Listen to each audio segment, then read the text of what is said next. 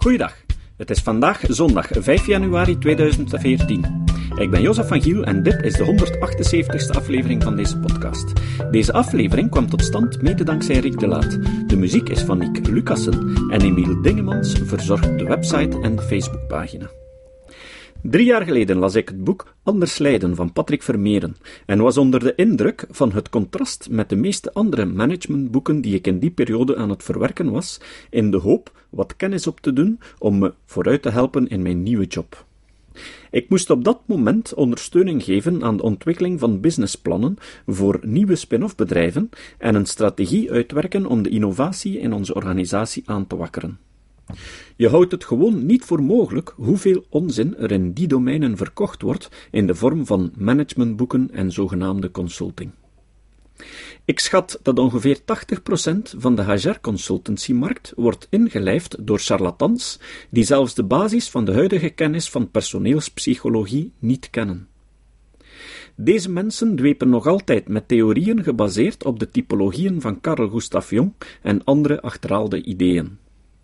Ik durf wedden dat bijna al mijn luisteraars ooit in contact gekomen is met een van de volgende zaken. Myers-Briggs Type Indicator. Insights Discovery. Situational Leadership Training. Kubler-Ross Change Process. Transactionele Analyse. Linkerbrein-rechterbrein modellen. De behoeftepyramide van Maslow. Belbin teamrollen Enneagram of management by objectives. Het klinkt allemaal heel geleerd, maar wel, al deze dingen zijn grote onzin en helemaal niet onderbouwd door empirisch bewijs. Ze zijn ook niet gebaseerd op onze huidige inzichten in de psychologie. En wat mij vooral tegen de borst stuit, is dat er voor elk van hen een wetenschappelijk onderbouwd alternatief bestaat. Maar bijna geen enkele van die consultants kent ze. Patrick Vermeeren was in die periode zeer actief in het produceren van boeken die volledig ingingen tegen deze vorm van amateurisme. Zijn eerste boek heette De Hajarballon. En daarin beschrijft hij haarfijn verschillende van de bovengenoemde methodes en legt hij uit waarom ze fout zijn.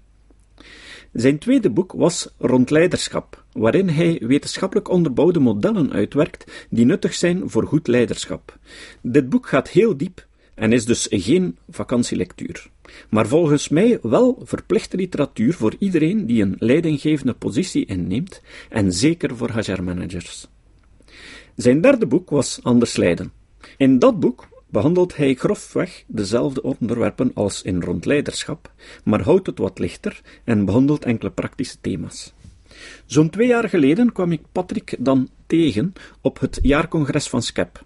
Blijkbaar was hij daar ook lid. We geraakten in gesprek en dat heeft enkele gevolgen gehad.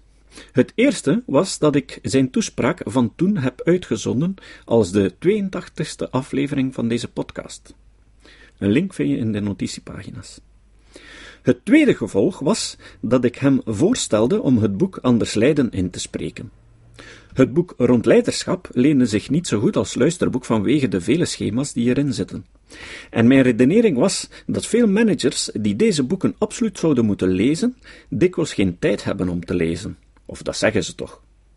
Maar wel heel veel tijd in hun auto doorbrengen. Met dit boek zouden ze hun tijd in de file dus zeer nuttig kunnen besteden. Voor alle duidelijkheid, dit boek is niet alleen voor managers, maar voor iedereen die meer inzicht wil krijgen in de menselijke interactie in een werkomgeving. In maart van 2013 was ik dan eindelijk klaar met het inlezen van dit boek. Toen heeft het nog even geduurd om een contract getekend te krijgen tussen de uitgever en een uitgever van luisterboeken. Maar sinds begin december is dit boek nu eindelijk te koop via Luisterrijk. Ik kreeg de toelating van Luisterrijk om een uitreksel uit dit boek uit te zenden via deze podcast. Hier komt het. Deel 2 Evidence-based management. Hoofdstuk 1. Evidence-based management? Hoezo? Je hersenen bedriegen je behoorlijk. Het spijt ons dat we dat moeten zeggen, maar het is nu eenmaal zo. Dit schrijven de hersenonderzoekers Sandra Amott en Sam Wang in het boek Het geheim van je brein. 2008, bladzijde 26. Wat verder, bladzijde 34, leggen ze uit waarom dit zo is, maar ook waarop we moeten letten. Je brein verwerkt selectief die details uit de buitenwereld die in het verleden van het hoogste belang zijn geweest om te overleven. Voetnoot. Hiermee bedoelen de auteurs een evolutionair ver verleden van honderdduizenden tot miljoenen jaren. Einde voetnoot. Je brein vertelt je maar zelden de waarheid, maar meestal vertelt het je de dingen die je hoe dan ook moet weten. Voor complexe redeneringen zijn onze hersenen niet echt gebouwd.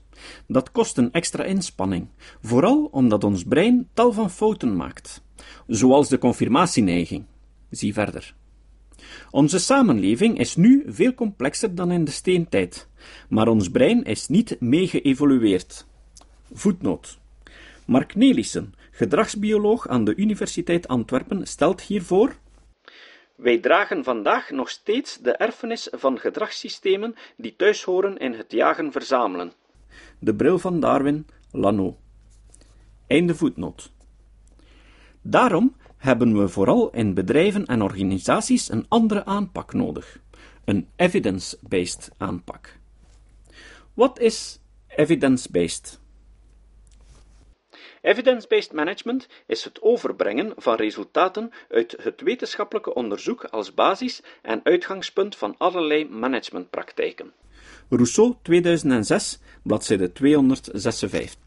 Scientific research is systematic, controlled, empirical and critical investigation of natural phenomena guided by theory and hypothesis about the presumed relations among such phenomena. Kerlinger, 1964 en 1986, bladzijde 10. Voetnoot. Curlinger is een auteur op het terrein van sociaal-wetenschappelijk onderzoek, wiens boek voor vele generaties psychologen een soort standaardreferentie is. Einde voetnoot. Een evidence-based aanpak betekent dat er geen beslissingen worden genomen op grond van een sterk geloof in iets, gebaseerd op wat in het verleden gedaan werd, of op het niet-kritische benchmarken van wat winnaars doen. Pfeffer en Sutton, 2006, www.evidencebasedmanagement.com Instrumenten van personeelsbeleid worden te veel gebruikt omdat men daar eenvoudigweg een voorkeur voor heeft, of omdat men daaraan gewend is, en niet vanwege enig aangetoond nut. Op grond van overeenkomstige overwegingen worden andere instrumenten, ondanks hun aangetoonde waarde, niet ingezet. Guillaume, 1998, bladzijde 9. Evidence-based wil dus zeggen dat men wetenschappelijk te werk gaat en zich baseert op deugdelijke bewijzen.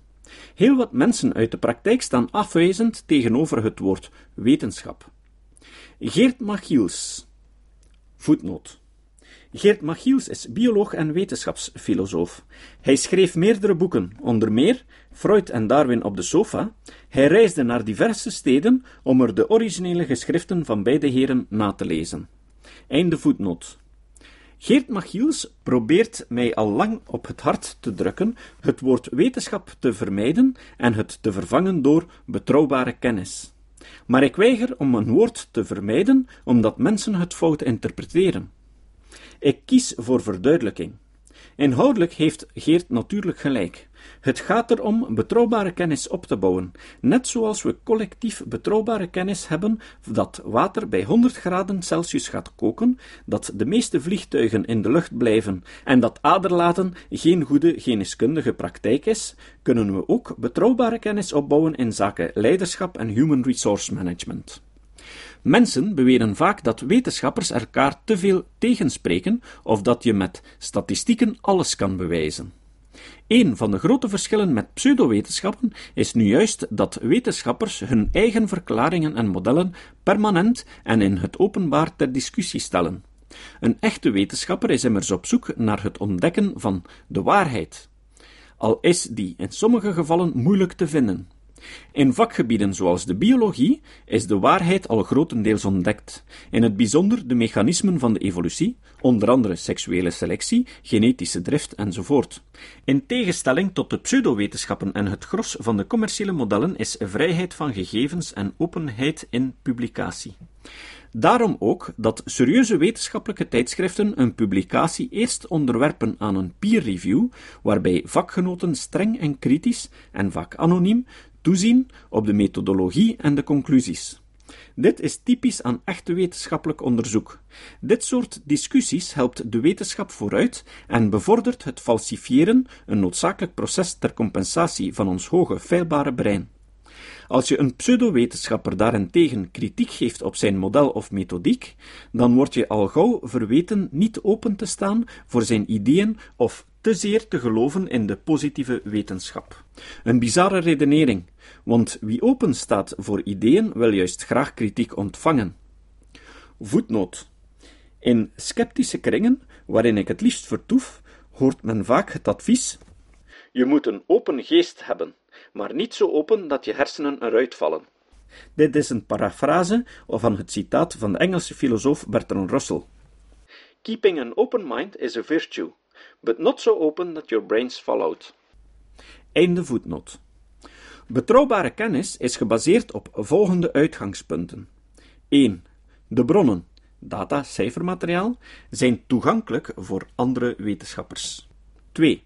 Onderzoeksresultaten worden door andere wetenschappers onafhankelijk van elkaar en in meerdere landen opnieuw verzameld en moeten leiden tot dezelfde conclusies. Dit noemt men replicatie. 3. De onderzoeksmethodes en conclusies worden voorgelegd aan internationale experts in het domein. Dit noemt men peer review. De toptijdschriften hanteren zelfs de blind peer review. Dit betekent dat de wetenschappers die een artikel moeten controleren en beoordelen, zelfs niet weten wie de auteur van het oorspronkelijke artikel is. Deze methode leidt ertoe dat slechts ongeveer 30% van de ingediende artikelen door het screeningproces komt. Voetnoot. Bijvoorbeeld werden in 2005 343 studies ingediend bij het tijdschrift Social Problems. Er werden slechts 9,7% of 33 artikels aanvaard. 4. In een ideale wetenschappelijke opzet, hoewel dit voor de sociale wetenschappers naar eigen zeggen moeilijk is, zal men trachten zijn hypotheses te falsifiëren. Dit betekent dat men op zoek gaat naar bewijzen van het tegendeel. Falsificatie is de methode die de overleden Britse wetenschapsfilosoof Sir Karl Popper propageerde. Eén bewijs van het tegendeel is voldoende om een hypothese te weerleggen. Zo dacht men bijvoorbeeld lang dat alle zwanen wit waren. Dit was een hypothese. Door naar Australië te reizen, kwam men echter tot de ontdekking dat er ook zwarte zwanen zijn. Dus, de hypothese dat er alleen maar witte zwanen zijn, werd daardoor weerlegd.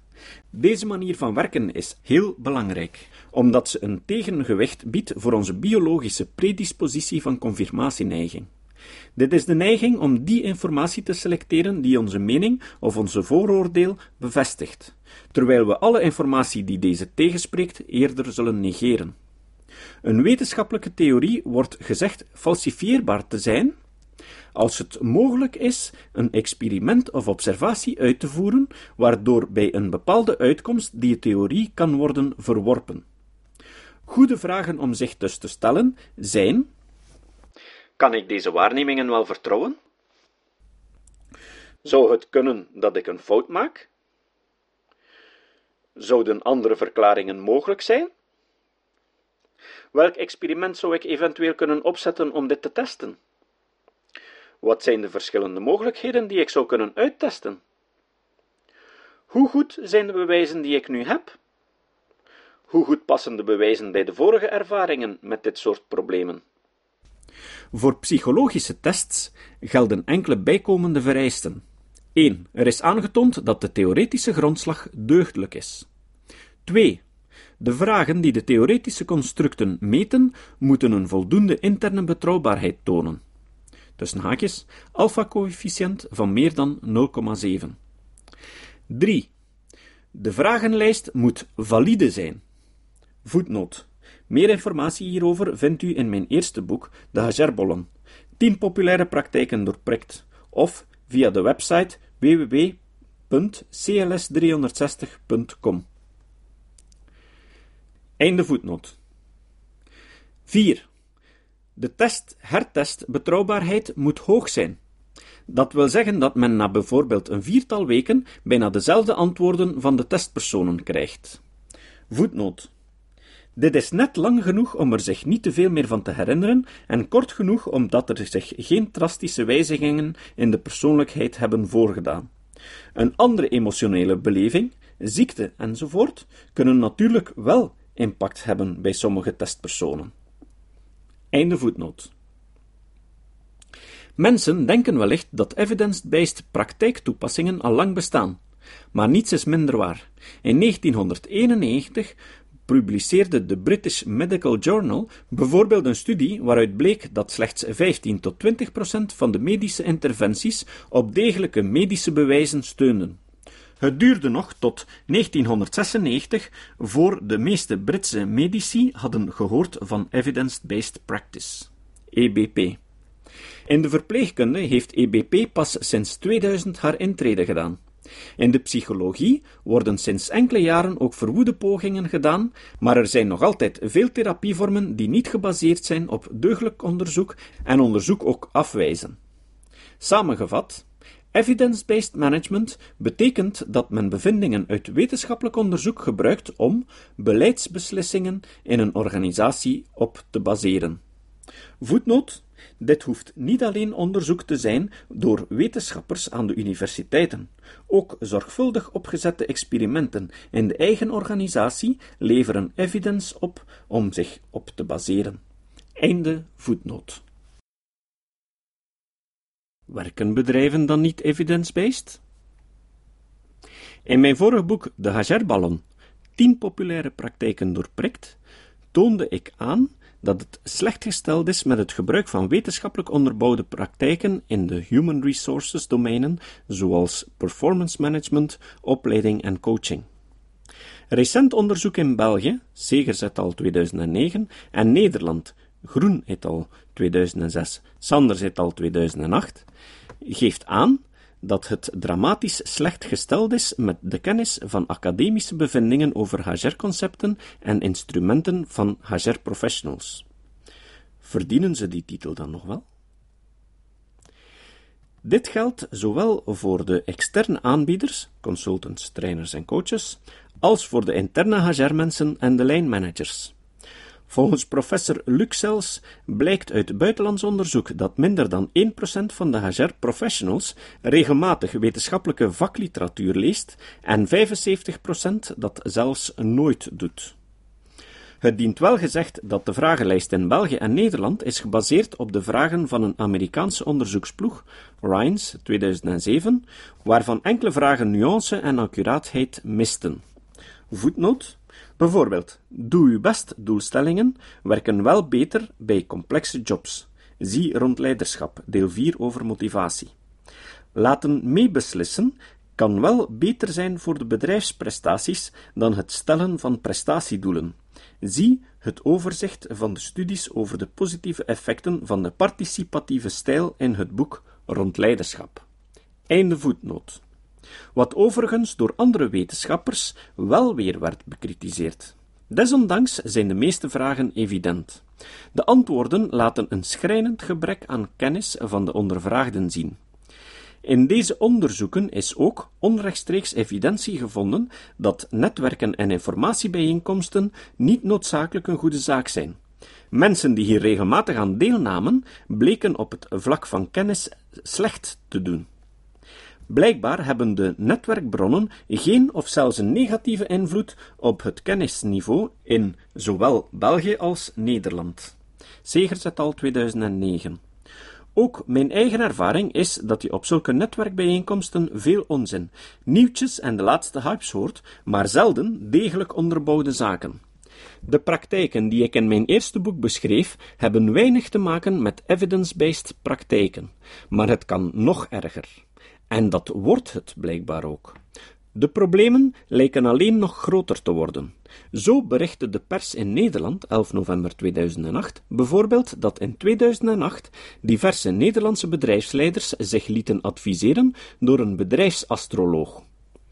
Volgens de journalist Joanneke van den Bergen adviseerde astrologe Hanneke Lageman, lid van de Astrologische Vakvereniging in Nederland, directeurs van bedrijven zoals KLM, KPN, Philips, ABN AMRO, Fortis, VGZ en de Efteling tijdens een businessmeeting.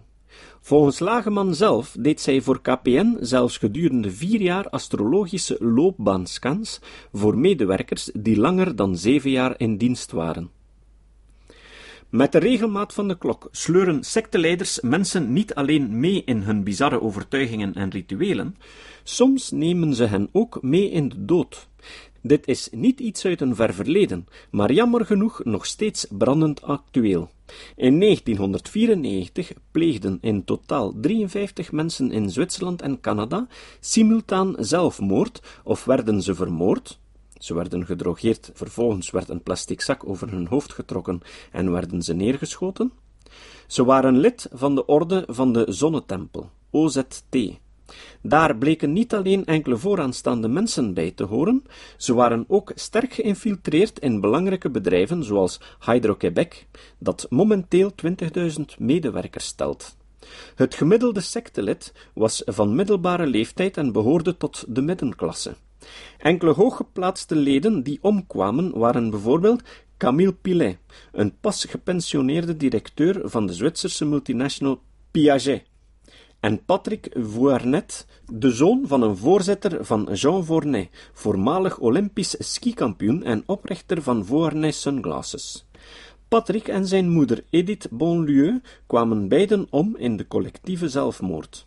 Een andere belangrijke persoon was Robert Ostrigui, de burgemeester van Richelieu in Quebec.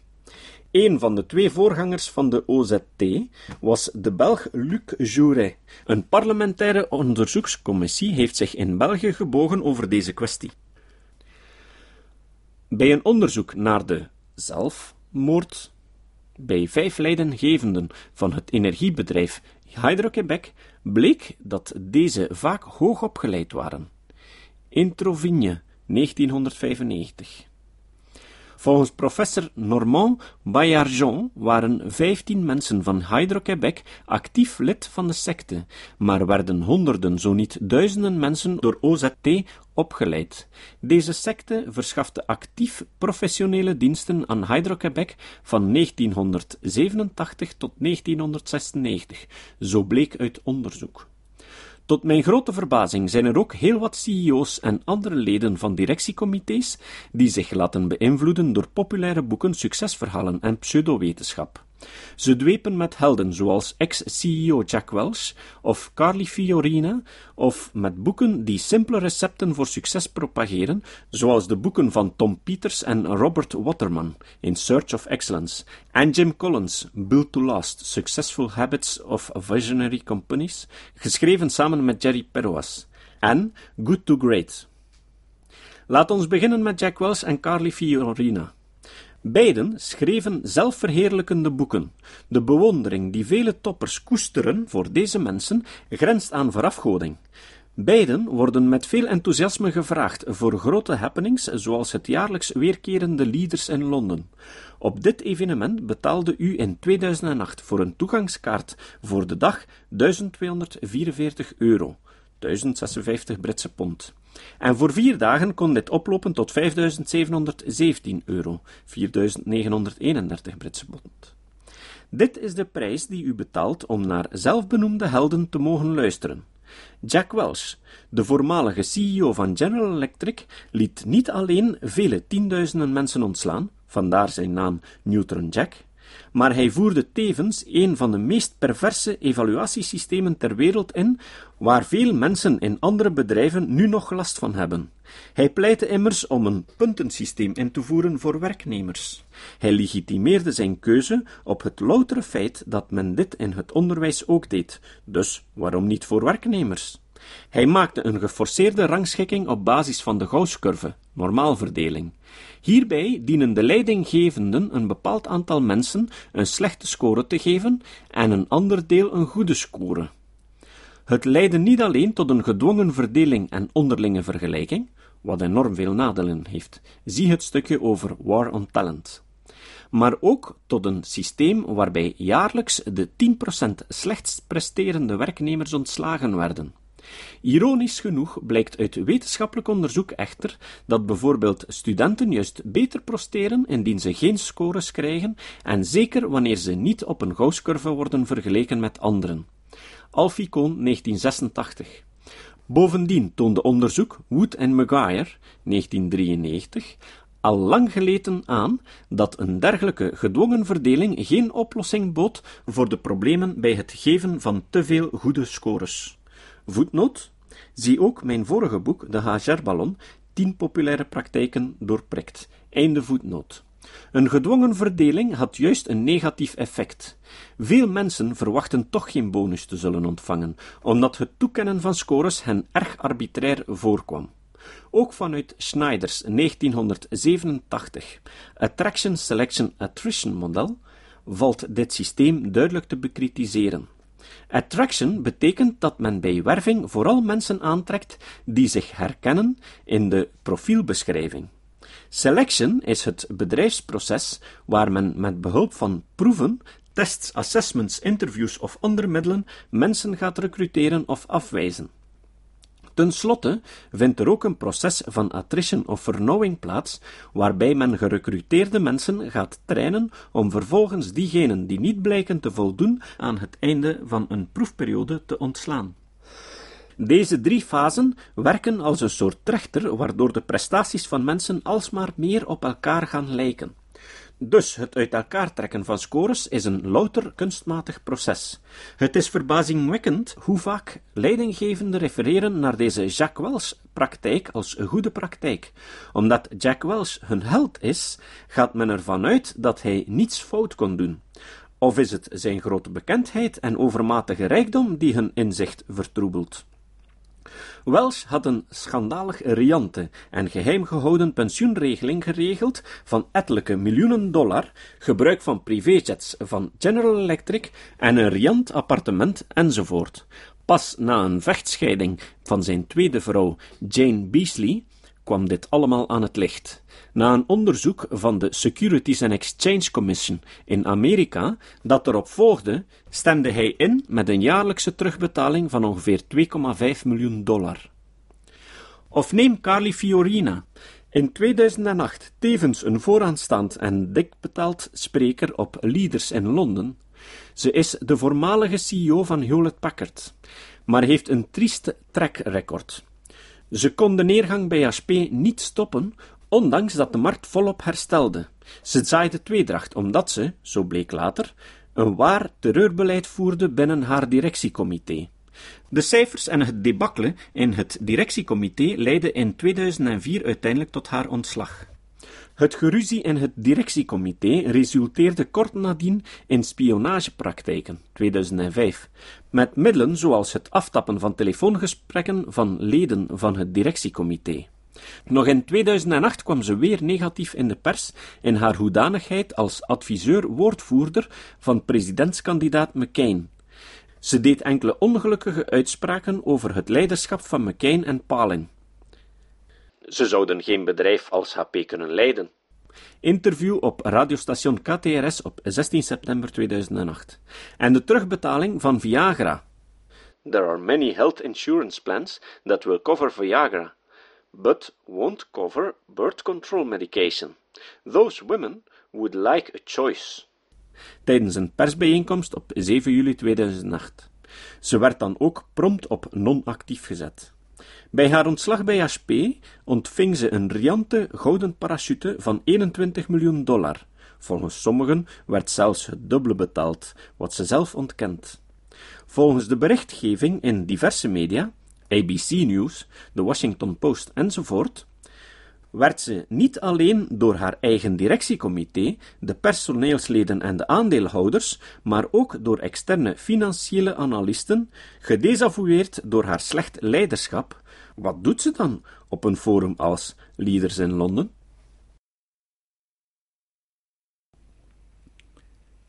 Het citaat. Het citaat van vandaag komt van Dan Ariely. Ariely is professor gedragseconomie aan de Universiteit van Duke. Terwijl economen onderzoeken hoe de imaginaire Homo economicus zich in de economische ruimte gedraagt, onderzoeken mensen zoals Ariely, Kahneman, Karl Dunker en nog een groeiende groep wetenschappers in deze nieuwe discipline hoe de Homo sapiens zich gedraagt in de economische ruimte. Ariely heeft hier een aantal interessante boeken over geschreven en gebundeld onder de titel The Irrational Bundle. En op Coursera kan je van hem de cursus An Introduction to Behavioral Economics volgen. Ik heb trouwens ondertussen ontdekt dat zijn boeken ook in het Nederlands vertaald zijn. Een link vind je in de notitiepagina's. Ariely Stel vragen, onderzoek, draai stenen om, stel je gedrag in vraag. Dat van je bedrijf, je werknemers en andere ondernemingen.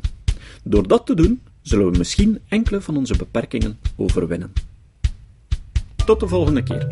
Dit was de podcast Kritisch Denken. Vergeet niet om alles kritisch te behandelen, ook deze podcast. Voor verdere informatie over deze podcast, links en voor de tekst, surf naar www.kritischdenken.info. Als je deze podcast belangrijk vindt, kun je me steunen door anderen warm te maken ook eens te luisteren. Stuur een e-mail naar vrienden met een link naar de website en plaats de link in de handtekening van je e-mails. Tevens kun je op iTunes deze podcast een beoordeling geven of een recensie schrijven. Of je kan op je eigen website of blog een link naar kritisch denken plaatsen.